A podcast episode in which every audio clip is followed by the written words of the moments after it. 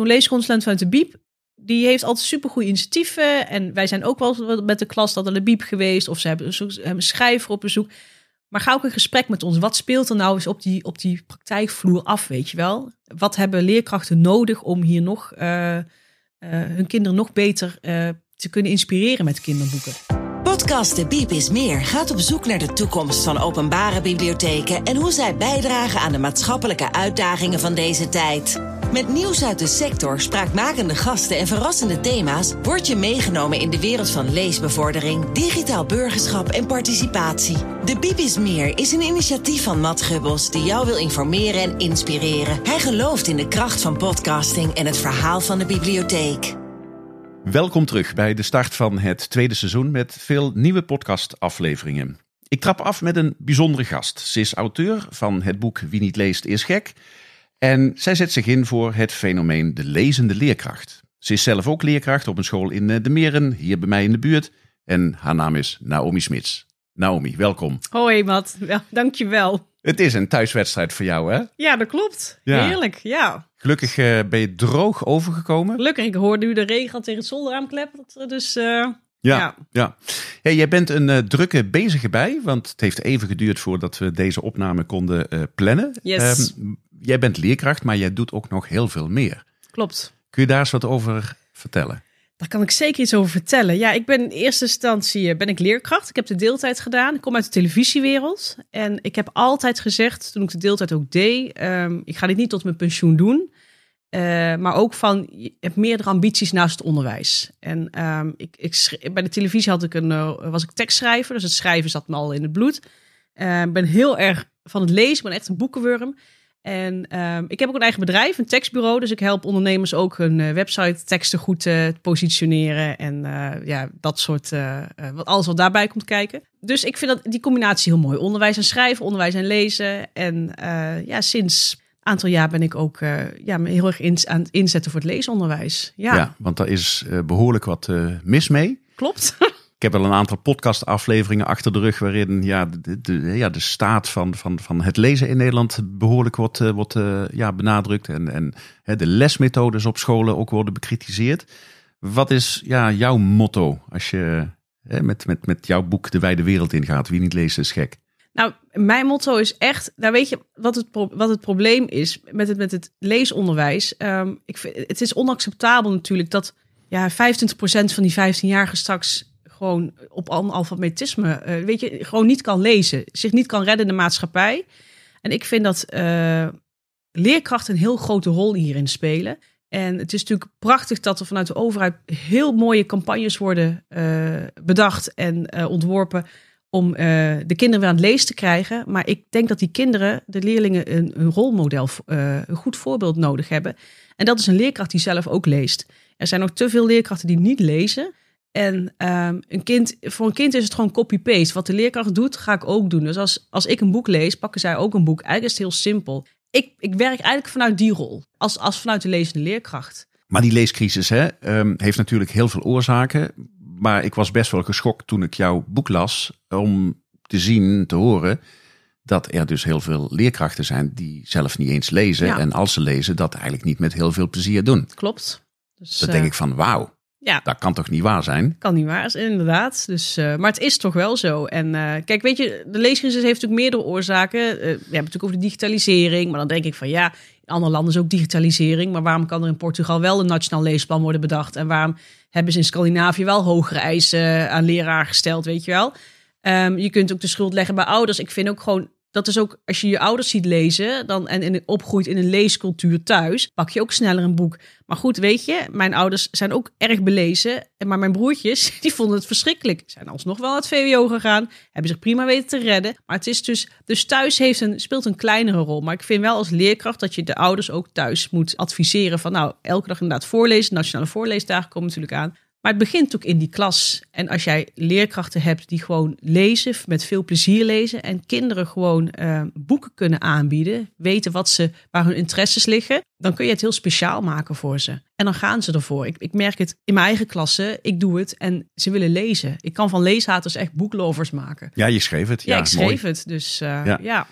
Hey, je had het over thuis. Hoe was dat vroeger bij jou thuis? Hoe, hoe, hoe ben jij aan het lezen ja, geraakt? Ja, weet je, mijn moeder zegt altijd gekscherend, je bent met een boek aan mijn baarmoeder gekomen. Weet je wel? Dus, uh, en ehm, ik heb altijd, er zijn altijd, ik, ik, al mijn herinneringen zie ik gewoon boeken voor me. En het was natuurlijk de tijd, ja, ik, ben, ik, ik kom uit 82. Mijn vader had een uh, abonnement op de Lecturama. Dus die geschiedenisboeken, die, die groene met al die mooie verhalen. Die rode boeken met die ping, met die cassettebandjes ja, ja, die je om moest slaan. We gingen heel veel naar de Biep. Mijn moeder was echt vaste klant ook bij de boekhandel. Ja, dan heb je het over de jaren tachtig. En, uh, maar er werd ook altijd gelezen, werd ook altijd voorgelezen. Maar ja, maar in die tijd we hadden geen schermpjes. We hadden 1, 2 en 3 op de televisie. En dan was het een, feest als je op zaterdag naar, ja, ik weet niet veel, kinderen voor kinderen of zo mocht kijken. Maar je was of buiten of je was binnen jezelf aan het vermaken met, met knutselmateriaal, met spelletjes of met een boek. En ik koos altijd voor het boek. Ja, mijn broertje voor de Lego, maar ik was voor, voor het boek, ja. Dus dat is, en dan als je daarmee opgroeit, ja, dan, dan gaat het, uh, ging het voor mij vanzelf. Het was, Ja. heel, het was een mooie vanzelfsprekendheid geworden, het lezen, ja. Hey, en de bibliotheek, wat voor rol speelde die in jouw leven toen? belangrijk. Want ja, weet je, je, had, je zat als, als, als kind had je op een sportclub of je had een, een, hobby of wat dan ook. En die bibliotheek was toch wel het ja, verzamelpunt van het dorp, weet je wel. Want ja, wat, wat had je verder vroeger? Ja, Ja, niet vrij zoveel. weinig. Nee, nee ja, Dus, er waren er eh, maar enkele die een Atari spelcomputer hadden. Juist, ja. Ik Ja. goed dat wij de en computer kregen met Word Perfect 5.1. Dat soort dingen. Daar ging ik dan mijn verslagen opmaken, mijn boekverslag, weet je wel. Ja. Maar ja, die biep was gewoon elke week gewoon naar de biep. En het was gewoon bij, bij iedereen. Het was gewoon heel normaal. Ook alle, bij alle kinderen uit de klas. Of je nou eh, naar het VWO ging of naar het eh, VBO, MAVO vroeger. De, de biep was gewoon ja, een soort van instituut. Dat, dat, dat was gewoon, dat hoorde daarbij. En nog steeds, maar daar komen we straks Ja. waarschijnlijk nog wel even op. Ja, de tijden van toen staan in behoorlijk schril contrast met de tijden van nu. Je Klopt. gaf dat al aan en toen kwam jouw boek. Wie niet leest, die is gek. Maar hoe komt dat nou dat die leerkrachten van tegenwoordig dat die niet of nauwelijks lezen? Komt dat ook doordat ze zelf in die andere tijd dan wij zijn opgegroeid? Zou kunnen. Want ik ben natuurlijk al leerkracht van 40. Dus je hebt ook collega's natuurlijk van 20. Ik denk dat de digitalisering bij hen ook een rol speelt. Misschien hebben zij vroeger het goede voorbeeld niet gekregen. Ik bedoel, ik had op school altijd lezende leerkrachten. Het stukje werkdruk speelt misschien wel mee. En ik denk ook eh, eh, bij de opleiding. Kijk, ik heb het, ben ik heel eerlijk in. Hè? Ehm, weet je, een, een, als je een boekenwurm bent, kun jij, dan is het weer die, ik noem steeds het woord, het die vanzelfsprekendheid. Dus het is voor jou logisch dat jij kinderen ook dat leesplezier wil meegeven. Maar als jij dat voorbeeld niet gehad hebt, ook niet op de opleiding, ja, dan weet je ook niet waar je moet beginnen. En ik denk dat daar ook een stukje wel, ik kom misschien straks nog even op, op de Pabo hoe of wat, maar misschien ook een stukje werkdruk. En ik, daar zet ik altijd wel een kanttekening bij, want in het basisonderwijs moet je veel. Maar ik denk werkdruk is ook heel erg eh, inherent aan jezelf. Kijk, ik ervaar wel eens werkdruk rondom een rapportperiode of eh, in groep 8 met de advisering, want dan heb je het gewoon wat drukker dan normaal. Maar ik denk, de werkdruk leggen heel veel leerkrachten zichzelf op. En ik denk, een boek lezen hoort gewoon bij je vak. En ga nou niet stom elke keer na schooltijd eh, eh, kaarten lamineren of kaartjes knippen.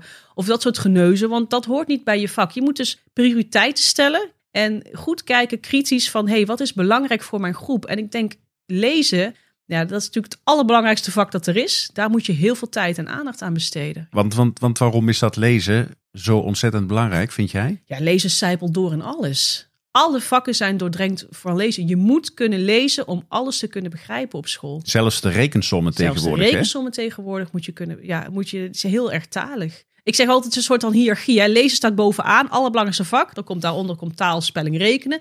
Daaronder komen de zaakvakken. En daaronder komen de creatieve vakken. Maar het zijpelt eh, allemaal door. Ik zet er geen begrijpend lezen tussen, want dat vind ik ook. eh, dat is eigenlijk geen vak. Dat is gewoon een methode. En dat maken we in Nederland ook heel belangrijk allemaal. Maar dan denk ik, ja jongens, dat is het niet. Je moet gewoon die kinderen met plezier leren lezen en ze ook laten leren van, begrijp je eigenlijk wel wat je leest? En dat kan prima door een mondeling gesprekje of eh, ja. Hey, en dan even over de kinderboeken zelf. Hè? Mhm. Ik heb daar zelf warme herinneringen aan. Jij beschreef ook in je boek hè, dat er ja, bepaalde boeken zijn die nu nog steeds hè, een hele belangrijke rol Ja. in jouw leesonderwijs eh, spelen. Maar de boeken van toen, is dat te vergelijken met de boeken van nu? Want als ik in de niet. boekhandel hier hè, in Vleuten rondloop, je kent hem hè, Alex van Ja. boekhandel eh, Kees. grote vriend. Ja, dan denk ik van wauw, het is allemaal wel heel kleurrijk. Het is heel En- hysterisch. ja. klopt. Ja, die kinderboeken zijn ook veranderd. Eh, de tijd dat ik opgroeide had je heel veel die realistische. Weet je, Evert Hartman, Jan Terlouw, Thea Beckman, Anke de Vries. Weet je, Blauwe Plek is nog steeds een van mijn favorieten. En nu is het alleen maar zo, zo aantrekkelijk mogelijk maken voor die kinderen. En dan denk ik, er is een schifting eigenlijk tussen de, de kinderjeugdliteratuur en de gewoon de makkelijk wegleesboeken. Ik noem het altijd een beetje de, de culinaire hoogstandjes versus de lekker weg eetsnacks. Ja. Ze hebben elkaar allebei hard nodig. Want ik vind dat een kind wat niet van lezen houdt, ja, met alle respect, Koos Meijners is een van mijn favoriete schrijvers. Als je daarmee komt met een nieuwe Koos Meijners, dan zal hij ook denken van, ja, dit is, is toch een, brug te ver. Dan beginnen we gewoon met een, bijvoorbeeld een Joshua Douglas, ook een super toffe kinderboekschrijver. Toegankelijk, ze hebben elkaar allemaal nodig. En het is de truc dat we niet gaan vertellen van, eh, nou, eh, de kinderjeugdliteratuur is beter en de, de makkelijk wegleesboeken die zijn eh, flut. Want er zijn heel veel discussies ook vanuit schrijvers ontstaan. Je moet die kinderen een boek kunnen aanbieden. Je moet ze op hun interesses kunnen spelen. En eh, als iemand van humor houdt, begin je met een humoristisch boek. En dan ga je, moet je als leerkracht ze verder helpen naar wat steeds complexere boeken. Zodat ze ook verschillende schrijvers, verschillende genres daar ja, gaan proeven eigenlijk aan eh, die verschillende smaken daarin. Maar het is nu, inderdaad, als je in de boekhandel komt, de, de, de hysterische boeken liggen vooraan. En de, en de pareltjes zijn altijd een beetje verborgen. En ik denk dan ook, ja, boekhandelaren, zetten ze ook gewoon naast elkaar, weet je wel. Dus eh, ik vind het ook altijd leuk. In de, de Utrechtse kinderboekwinkel staat bijvoorbeeld de Leven van de Loes ligt altijd een beetje onderop. En de pareltjes liggen gewoon in het zicht, Ja, weet ja, je wel. ja, heel goed dus. Heel goed. En tuurlijk, ze mogen bij mij ook in de klas, ze mogen alles lezen wat ze willen. Maar als een leerling zegt van, nou, ik wil nou deel 3 van die waanzinnige bomen, dan zeg ik van, je hebt al twee gelezen, die kun je ook thuis lezen. Ik ga jou met jou een ander boek zoeken. En dan niet meteen super moeilijk in principe, of wat, wat complexer, maar gewoon die steeds die tussenstap, steeds dat stapje verder. Daar moet je dus als leerkracht dus ook heel veel kennis hebben van het actuele kinderboekenaanbod. Maar niet eens actueel, maar ook gewoon kinderboekenaanbod gewoon aan zich. Ja. Dus, eh, Ja, want als ik dus in de grote boekhandels rondloop, eh, dan denk ik, wauw, eh, hier ligt heel erg veel. Hoe krijg je nu grip op dat boekenaanbod? ja, dat is niet te doen. Het is voor een bibliothecaris al heel Ja. moeilijk om dat te doen, maar voor jullie als leerkrachten, is echt, eh, er er verschijnen wekelijks zoveel mooie kinderboeken. Je ziet af en toe door de boekenboom het post zeg ik altijd. Dus je moet gewoon daar ook voor jezelf bedenken van, hey, hoe ga ik dit aanpakken? En het is voor leerkrachten, je weet je, abonneer je op een nieuwsbrief van de uitgever of ga regelmatig naar de bieb. Ehm, ik zeg ook als ik een lezing geef bij leerkrachten van, eh, spits je even op de klas die je hebt. Dus heb je groep 5, zorg dat je op de hoogte bent van de, voor de boeken voor groep 5, maar ook groep 4 en groep 6. Dat je, weet je, terug kan pakken, maar ook vooruit kan pakken. Die hele range kennen en op de hoogte zijn, dat lukt mij ook gewoon niet. Ik ben al blij als ik denk van, oh, er is een week, zijn er maar twee boeken bijvoorbeeld uitgekomen, weet je wel. Dus, eh, maar er komt zoveel moois uit en heel veel, ja, heel veel leerkrachten zijn gewoon niet echt op de hoogte. En dat is echt super jammer. Maar hoe maak jij nu die keuzes van wat eh, hè, voor bepaalde groepen leerlingen meer en minder interessant is? Ik kijk gewoon heel erg inderdaad een groep die ik heb, dus dat is groep 8. Wat is, leeft bij mijn leerlingen, waar hun interesses ook eigenlijk liggen. Maar ik ben wel van mening dat je, vers- dat je verschillend aanbod in de klas moet hebben. Dus bij mij heb je ook gedichtenbundels, veel non-fictie, dat vinden ze super interessant. Sprookjes, fabels, mythische, eh, mythische verhalen. Maar ook de pareltjes, de, de kinderjeugdliteratuur, maar ook gewoon series. Dus een verschillend aanbod, zodat we allemaal kunnen kiezen van eh, ja, wat ze op dat moment, waar ze be- behoefte aan hebben Ja. eigenlijk. Ja, en wat vind jij van de uitspraak die ik eh, tegenwoordig heel veel hoor? Het maakt niet uit wat ze lezen, als ze maar lezen. lastig. Ik zei, wat ik al zei, van mij mogen ze ook alles lezen. Maar, kanttekening, na drie van dezelfde soort boeken zeg ik van, nou, we gaan toch nou iets anders. eh. En als leerkracht moet je zo'n leerling dus kunnen begeleiden om ze dus net een, daarna een ander boek te kunnen kiezen. Dus eh, kijk, en ik ben ook gewoon van, ik heb ook een leerling gehad ooit in mijn stageklas. Nou, die had echt een bloedhekel aan lezen, maar die was heel erg technisch. En die heeft, eh, en ik had op dat moment een nieuwe iPhone. Ik snapte er niks van. En die heeft mijn hele iPhone geïnstalleerd door de handleiding te lezen. En toen denk ik van ja, hij heeft natuurlijk ook gelezen. En dan pak je terug en zeg je van goh, weet je, supergoed dat je hebt gedaan. Je houdt nou van techniek. Dus dan kom je met een informatieboek over techniek. De volgende keer was het. En daar stond ook een stuk in over Egypte. Dat vond hij hartstikke leuk. Nou, zijn volgende boek was Dummy de Mummy. En zo bouw je dat gewoon op. Maar dan moet je dus als leerkracht erg op de hoogte zijn van wat er. eh, de interesses van de leerling en wat er dus te koop en te verkrijgen is. Ja, Dus eh, ja. ja. Nou, dit is dus een van de kenmerken van een zogenaamde lezende leerkracht, Ja, hè, die je beschrijft in je boek. ja. Wat, wat moet een lezende leerkracht nog meer kennen en kunnen en doen? Ik denk dat een lezende leerkracht gewoon lekker eh, moet lezen. En moet op de hoogte zijn van het actuele eh, boekenaanbod, maar ook gewoon van de klassiekers. Een lezende leerkracht moet zijn leerlingen goed kennen, kunnen adviseren dus. Ik zeg ook altijd niks zo lullig als een kind met plezier een boek heeft gelezen en dan vragen ze, juf, wat ga ik nu lezen? En dan heb jij geen antwoord. Kan echt niet. Onacceptabel vind ik dat. Je moet in staat zijn een leescultuur in de klas te bouwen. Dus zorg voor aantrekkelijke boeken, een boekenkastje, eh, dat je ze goed presenteert, dat je die boeken veel promoot. Want ja, die kinderen, ik, ik laat vaak, eh, we hebben een schoolbibliotheek. super enthousiaste ouders. En dan laat ik vaak leerlingen van, nou, vraag maar aan Irma, zo heet onze biepmoeder, de tas te vullen met boeken voor, voor groep 8. Nou, dan komt die tas en haal ik al die boeken één voor één eruit. En zeg ik van, oh, dit. En sommige boeken heb ik zelf nog niet gelezen, maar dan pak ik random een bladzijde, ga ik een stukje lezen, pak de achterkant en even lekker promoten. Oh, dit is een super tof boek. Deze schrijver, ik heb dit boek gelezen. Wie wil dit boek lezen? En als je dat enthousiasme maar overbrengt, ja, ze gaan voor je. Ja, ik vraag me wel eens af, wat doe je voor de klas als je niet van lezen houdt? Want het hoort bij je vak. En ik vind ook niet dat je kunt zeggen van, nou, nou ik vind rekenen stom, dus dan geef ik niet. Nee, dat, dat, dat is onzin. Je bent als leerkracht generalist, dus je moet alles kunnen en kennen en geven. En uh, lezen is nogmaals het allerbelangrijkste vak. Dus als jij dat plezier van lezen niet hebt en weet over te brengen, ja, dan sta je al gewoon 10-0 achter in de klas. Ja. Nou, je zei al in het begin, hè, leerkrachten zijn eigenlijk hè, de, de, levende voorbeelden voor leerlingen als het gaat om eh, lezen. Ja. Um, maar lezen is één, maar voorlezen is ook nog eens keer een apart vak. Zeker. Ik heb laatst, nou laatst, een hele tijd geleden alweer ergens moeten voorlezen. Ik nam ergens afscheid en toen moest ik als schijntje moest ik voorlezen uit een, uit een kinderboek. Maar dat doe je niet even zomaar, kwam ik achter. Dat klopt, ja. Wat, wat, wat, wat, wat komt daarbij kijken bij voorlezen? Bij voorlezen ik vind voorlezen een van de fijnste momenten in de klas. Heel veel leerkrachten doen het tijdens de pauze. Maar dan denk ik, nee, dan zijn ze aan het eten en drinken. Dus ik pak vaak een momentje na de pauze. Uh, nu vragen de leerlingen wel steeds vaker van... Uh, hebben ze eerst vijf minuten eten en drinken gedaan. Je wil je alvast beginnen in het boek. Dan denk ik, zo, hoppakee, netjes, dat gaan we doen.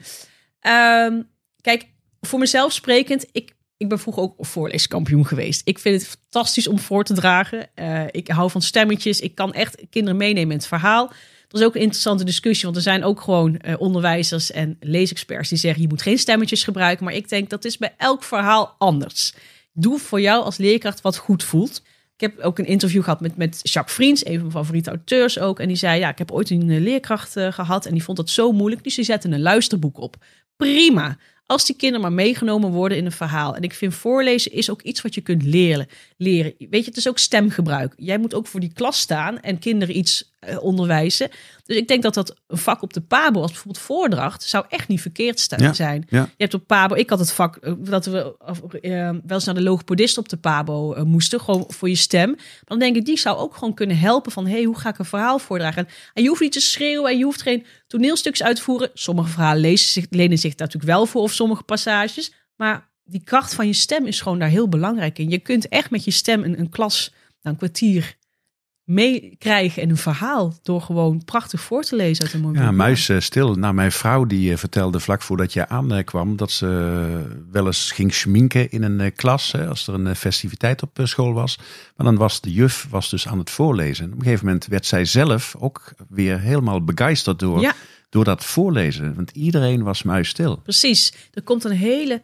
Um, als jij een hele... als jij heel mooi en goed kunt voorlezen, kun je die klas inderdaad in, naar een heel andere wereld brengen. En ik vind voorlezen ook heel goed voor de groepsdynamiek, want je leert dus ook gewoon luisteren en stil zijn voor elkaar. Ja, je kunt er echt iets mee bereiken. Ja. Dus, uh, en er wordt ook te weinig voorgelezen door leerkrachten. Soms zeggen, jij hebt groep 8, lees jij nog voor? Natuurlijk, elke dag. Ik lees het liefst de hele dag voor. Ik lees het liefst de hele dag samen met die kinderen een ja. boek. Ja. Nou, er gaan zelfs heel veel stemmen op om ook op de middelbare school te blijven voorlezen. Ja. Dat klinkt. Mijn ja, docenten Nederlands deden dat ook. Ik weet nog goed dat mijn docent Nederlands op het gym, meneer Reiners, die las uh, uh, Wagenaar voor en uh, Van de Vos Reinaarde. En nou voorlezen, maar ook vertellen.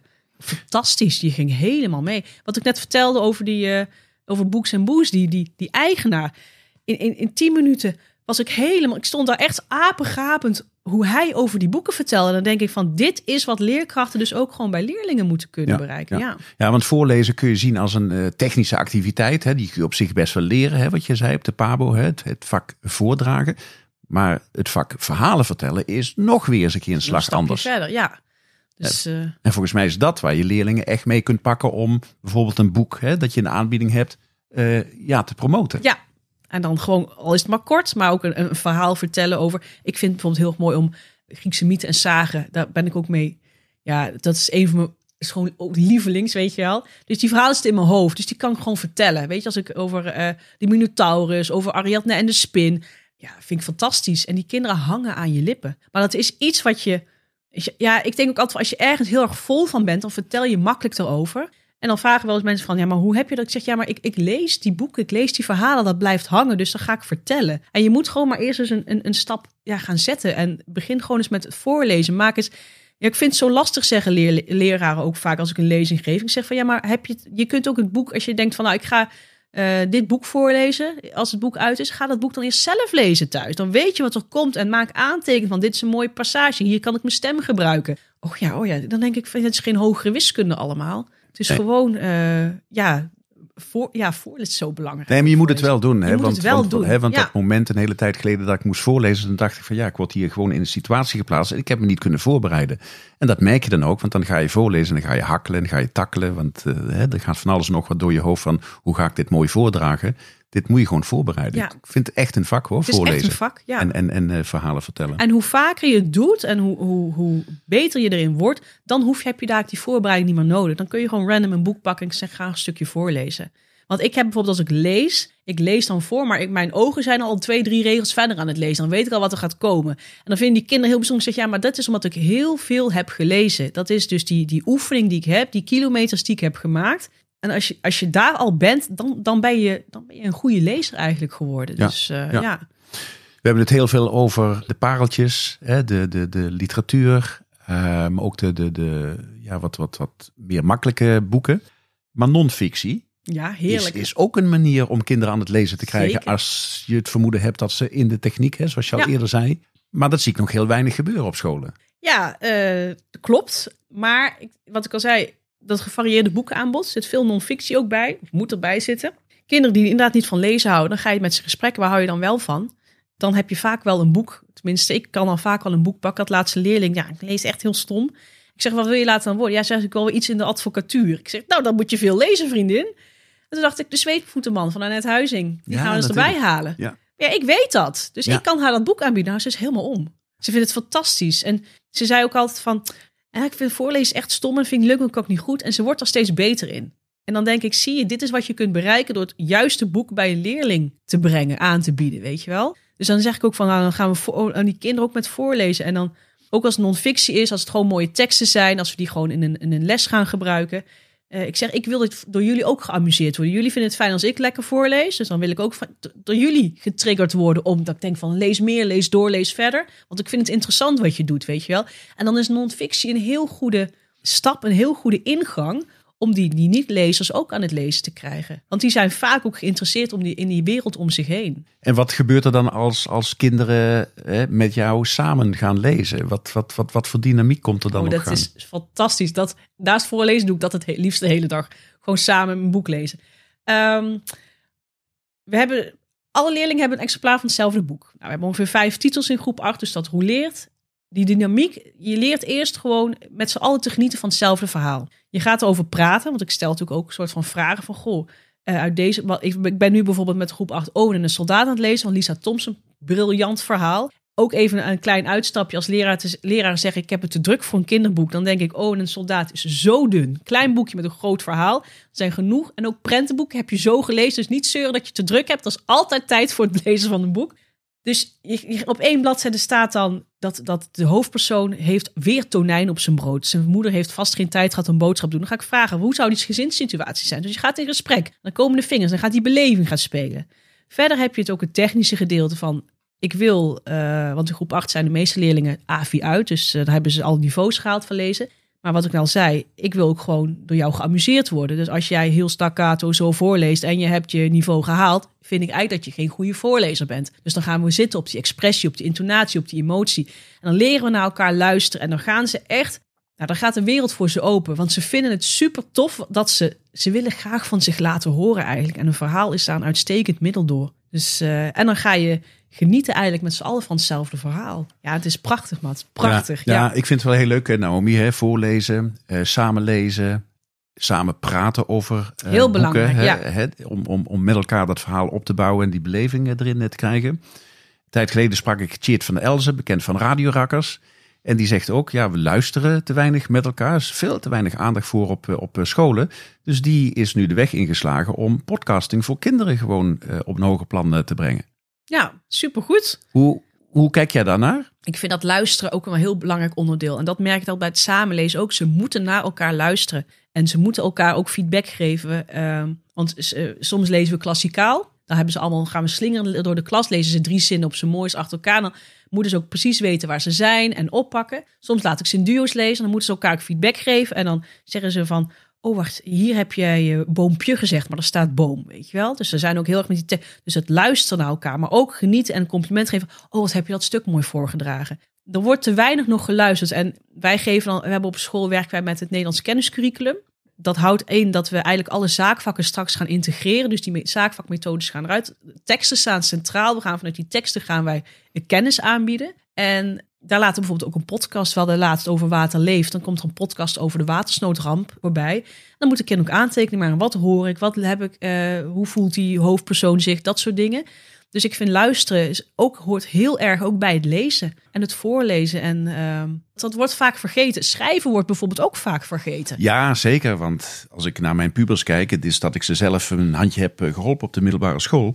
Er wordt dramatisch slecht geschreven natuurlijk. En, en, lezen, schrijven, luisteren en onlosmakelijk met elkaar verbonden. Ja. Dus daar moet je ook op insteken. Uh, ja.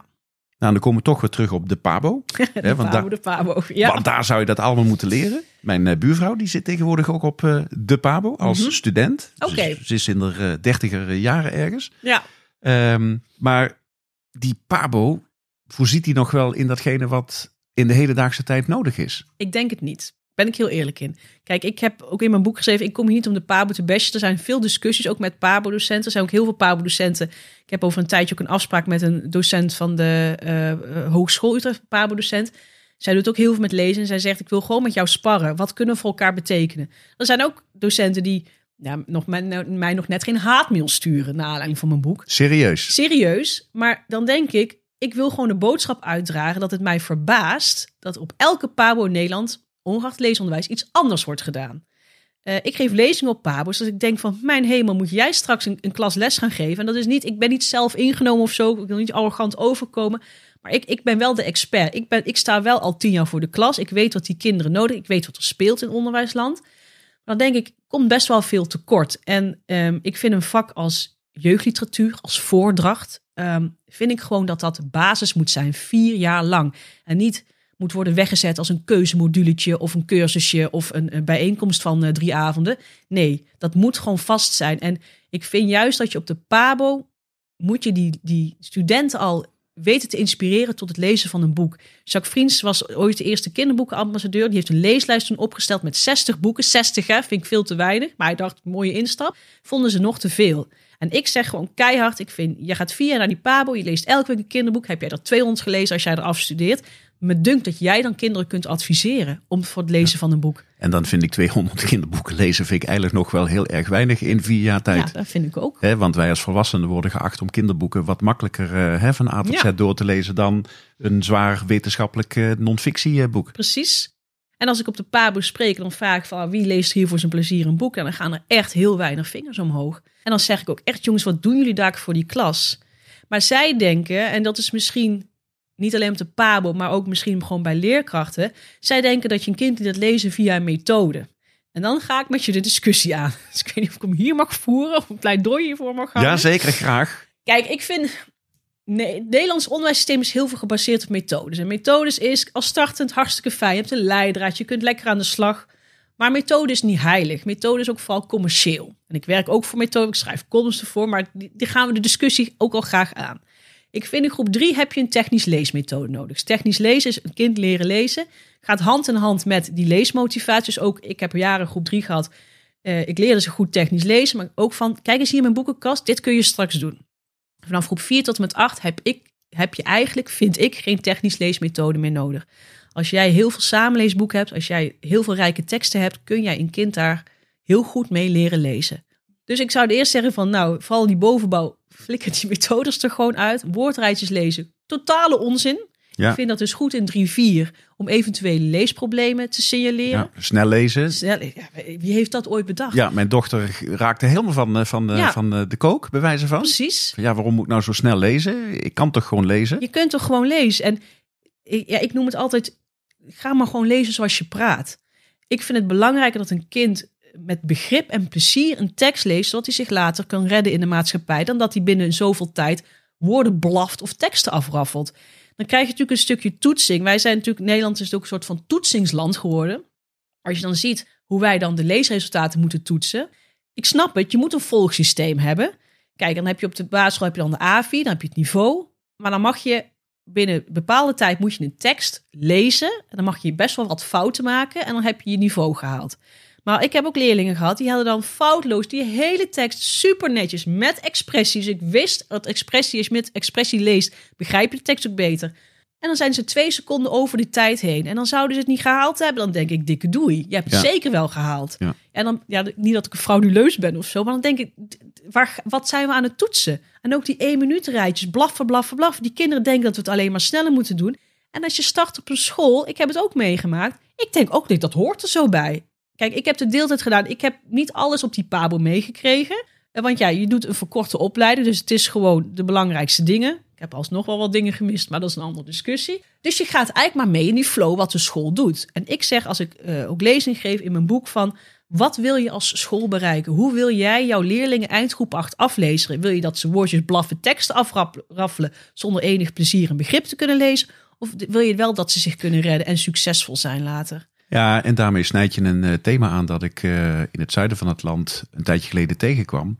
Ik wist niet dat een school eigenlijk heel veel vrijheidsgraden heeft om eh, zaken te toetsen. Ze mogen het zelf kiezen. En dan weet, de, weet drie kwart weet dat niet. Die denken Maar, dat ze ja. alles moeten doen. Maar toch gedreven door lesmethodes en noem maar Ja. op, doen wij dus blijkbaar allerlei dingen die ja, gewoon ingaan tegen hè, jouw visie op lezen en Ja. leesbevordering. Precies. En ik snap niet hoe we dat tij kunnen keren. Snap Ja. ik echt niet. Nou ja, ik denk toch door dit verhaal zoals nu weer te vertellen Ja. en maar blijven vertellen. Herhalen, kracht van herhaling daarin. Ja.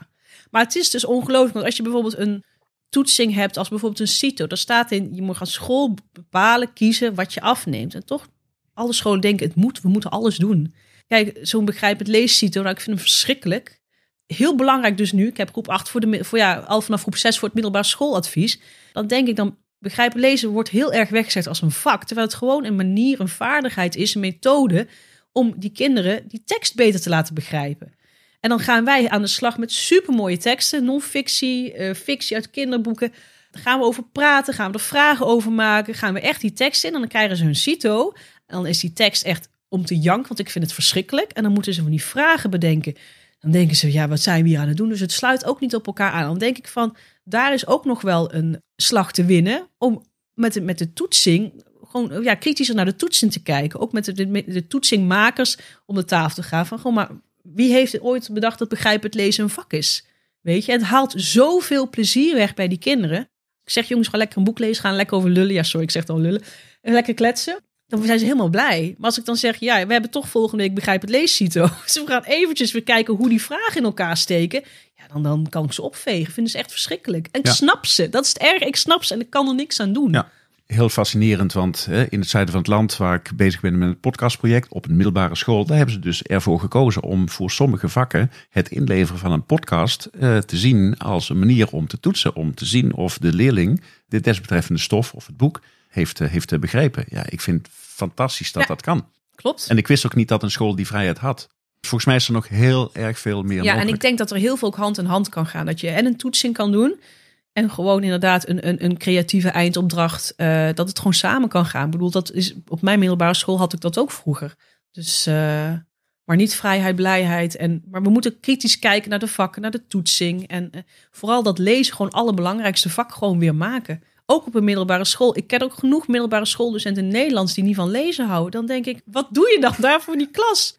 En dan spreek ik oud-leerlingen en dan zeggen ze soms van... ja, bij jou ging we altijd heel veel lezen, juf. Ik zeg, dat klopt. Ja, ik hoef nog maar één boek te lezen in eh één VWO. Ja. Ik zeg, vind ik echt schandalig. Bijzonder, zeer geef, bijzonder geef vind ik het. mail van je leerkracht en ik ga hem, weet je, ik stuur Ja. hem een mail. En kan gewoon niet. En die doorgaande lijn is juist belangrijk, ook op zo'n basisschool. Ik zeg ook, in mijn boek heb ik ook geschreven... wil jij dat jouw kind acht jaar lang leest? Of dat ene jaar bij die lezende leerkracht?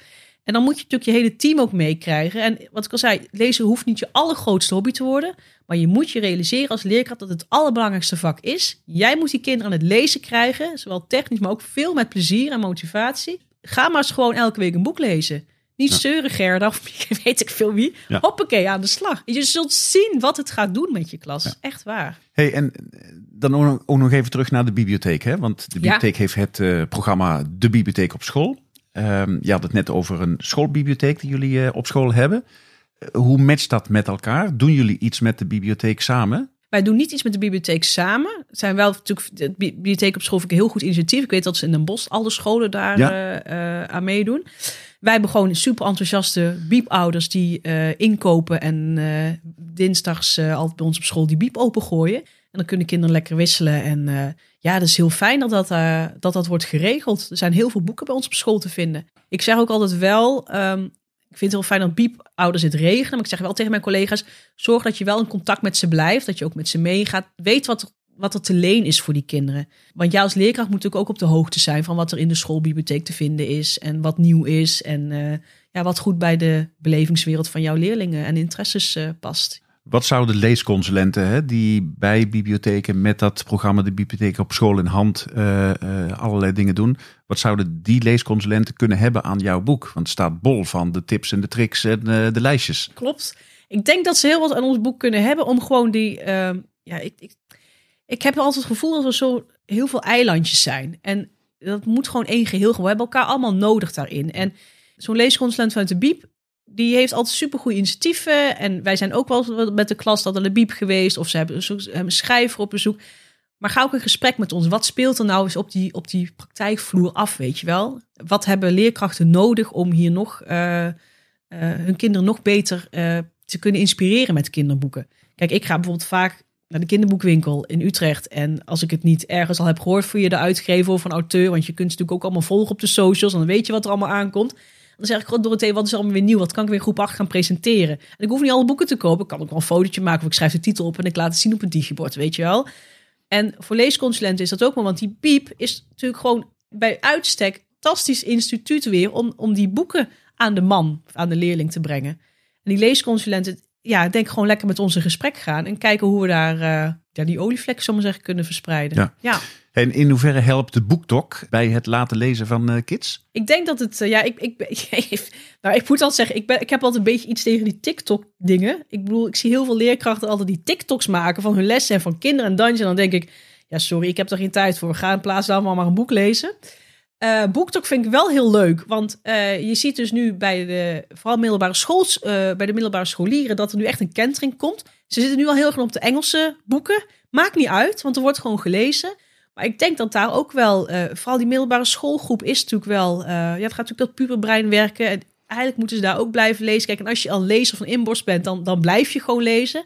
Maar ja, als je natuurlijk allerlei ja, dingen meemaakt en het gaat natuurlijk wereld voor je open op die middelbare school. Uh, daar heb je natuurlijk daar heel andere interesses en prioriteiten. Maar zo'n boektok kan daar zeker bij helpen. Dus ik tegenover boektok sta ik heel positief. TikTok daarentegen. TikTok daarentegen minder. Ja, ja, ja, TikTok en de leerkrachten, laat ik het zo zeggen. Dat vind ik echt wel een dingetje. Dat ik denk, nou, maar goed, dat is. Uh... Ja, nou, ik weet dat het bestaat en dat heel veel impact heeft. Ja. En ook in de boekhandel zie je tegenwoordig al Precies. boektok Ja. tafels uh, liggen met allemaal kleurrijke Engelstalige boeken. Ja. Zelfs mijn dochter die leest tegenwoordig uh, weer als uh, Ja, bijna maar- 18-jarige. Dus Dat is toch prachtig? heerlijk. En ik zie bijvoorbeeld ook heel veel eh, schrijvers van young adult boeken, die dan ook op de eh, hun uh, ja, boektoks maken. Ik denk van ja, je bereikt zo wel je publiek. En dat is natuurlijk hartstikke goed, weet je wel. Dus eh, ja, het is een mooie initiatief ook. Ja. En nu zit je dan op jouw school en dan ben je lekker aan het, aan het, aan het eh, lessen geven. Maar wat doe je nou richting jouw collega-leerkrachten om, om ja, die gasten die niet lezen toch meer aan het lezen te krijgen? ja, dat is. ik zeg altijd ook als ik een lamp- lezing heb, want zit natuurlijk een heel team voor me. Ik zeg ja, je hebt altijd een paar karttrekkers. Dat zijn toevallig mijn collega Esther en ik. Wij zijn ook leescoördinator en wij zijn gewoon echt diehard boekenworm. Ja, en dan heb ik natuurlijk wel ook heel veel collega's die wel van lezen houden, maar dan nu pas inzien ook van, oh, wacht eens even, wat jullie hebben bedacht, dat samen lezen en dat praten over boeken werkt echt wel goed. Het, het vertaalt zich ook terug in de resultaten ook bij de andere vakken. Uh, je hebt natuurlijk ook collega's die, uh, dat hoor ik ook op heel veel scholen hoor, die een beetje hak in de zand, want ja, heb ik geen tijd voor en ik vind het niet leuk, dit en dat. Die moet je ook mee zien te krijgen. Ik heb altijd zoiets van, aan dode paarden ga ik niet trekken.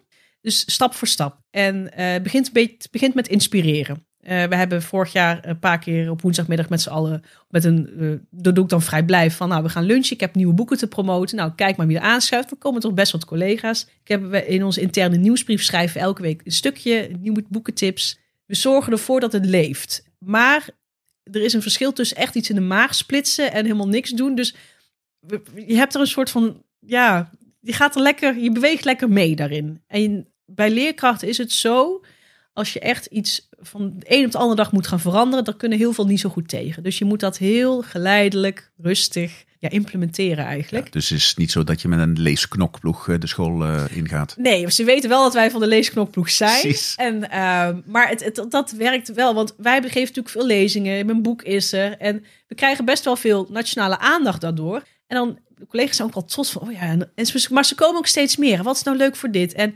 uh, in, ja, het is ook zo suf. In onderwijs met kalenderjaar qua budget in plaats van schooljaar. Dus dit nieuwe kalenderjaar, ik mag weer nieuwe samenleesboeken aanschaffen. En dan kom eigenlijk zou ik dit wel leuk vinden als titel, weet je wel. En dan denk ik, hé, hey, er wordt nu steeds weer meer gedacht. En dan zeg ik, tof. En ze komen nu ook als wij, um, als hun kinderen een boekpromotie hebben gedaan. Dan heb ik een collega uit groep 5 die dan even laat weten, even een fotootje doorstuurt van kijk eens, deze leerling heeft dit gemaakt. Of uh, het, verhaal als ze aan het stil lezen zijn, dat er nu steeds meer leerkrachten ook zelf gaan stil lezen. En dat ze ook zeggen van, het doet echt wat iets in die klas, want ze zien de, de juf ook stil lezen. En dan is het nog stiller. En dus wat we bedenken, het, het, het, ja, het, werkt toch. Dus dat is leuk om te zien dat dat... Uh, ja, met plezier en enthousiasme ook wordt overgenomen. Nou, ik vond het machtig mooi om jouw boek uh, te lezen. Dit is voor het eerst dat ik weer eens een boek echt van A tot Z heb zitten door. Uh, nou, wat leuk om te horen. Dus uh, dank hè, dat ik ja, die voorbereiding met jouw boek heb kunnen doen. Um, wat is de boodschap, Naomi, waarmee we de luisteraars willen achterlaten? De boodschap is: lees zelf, lees voor, lees mee, promoot elke dag boeken en praat over boeken. En ik denk dat dat de vijf basisvaardigheden van de leerkracht moeten zijn. En dan ga je een heel eind komen. En dan ga je die leerlingen met heel veel plezier naar de volgende groep sturen of naar de middelbare school. En dan zullen ze jou altijd gaan herinneren van nou bij die juf of bij die meester hebben we altijd zoveel gelezen. Dus uh, die, word die lezende leerkracht. En je zult zien wat dat allemaal gaat doen in je, in je klas. Wat zich vertaalt ook in de andere vakken. Dat ze ook makkelijk aardrijkskunde, geschiedenis, alles gaan doen. En uh, ja, helemaal top, word je echt blij van. Doen dus, lezen, met ja, z'n allen. Ja. Kinderboeken. Ja. En wie niet leest is gek, het boek. Ja. Vooral even kopen. Nou ja. En je laten inspireren. Ja, vooral laten inspireren. Genoeg uh, handige tips om me zo in te zetten in de klas. En uh, niet meteen alles willen, gewoon stap voor stap. Collega's ook mee zien te krijgen. En uh, vooral het belang van het boek zien. En kritisch blijven. Ook wat je doet, wat je geeft op je methodes. Uh, wat kan wel, wat kan niet. mijn kinderboek kan ik daar ook voor inzetten. Dus uh, genoeg te vertellen. Dus we hadden nog uren kunnen kletsen, maar in mijn boek staat alles inderdaad. Ja. Dus ga dat lekker lezen, ja. yes. Nou, het was genoeg om met jou nou, te spreken. Superleuk dat ik mocht aanschrijven. Ik ben helemaal niet meer zo zenuwachtig meer. ik dat ik begin dacht, oh. Nee, superleuk dat ik mocht komen. Dankjewel. Ja. Jij ook, dankjewel. Yes. Bedankt voor het luisteren naar deze aflevering van De Biep is Meer. Heb je zelf een mooi verhaal om te vertellen? Neem dan contact op via info.onderzoekmeteffect.nl De Biep is Meer is een initiatief van Matt Gubbels. Hij gelooft in de kracht van podcasting en het verhaal van de bibliotheek. Graag tot een volgende keer.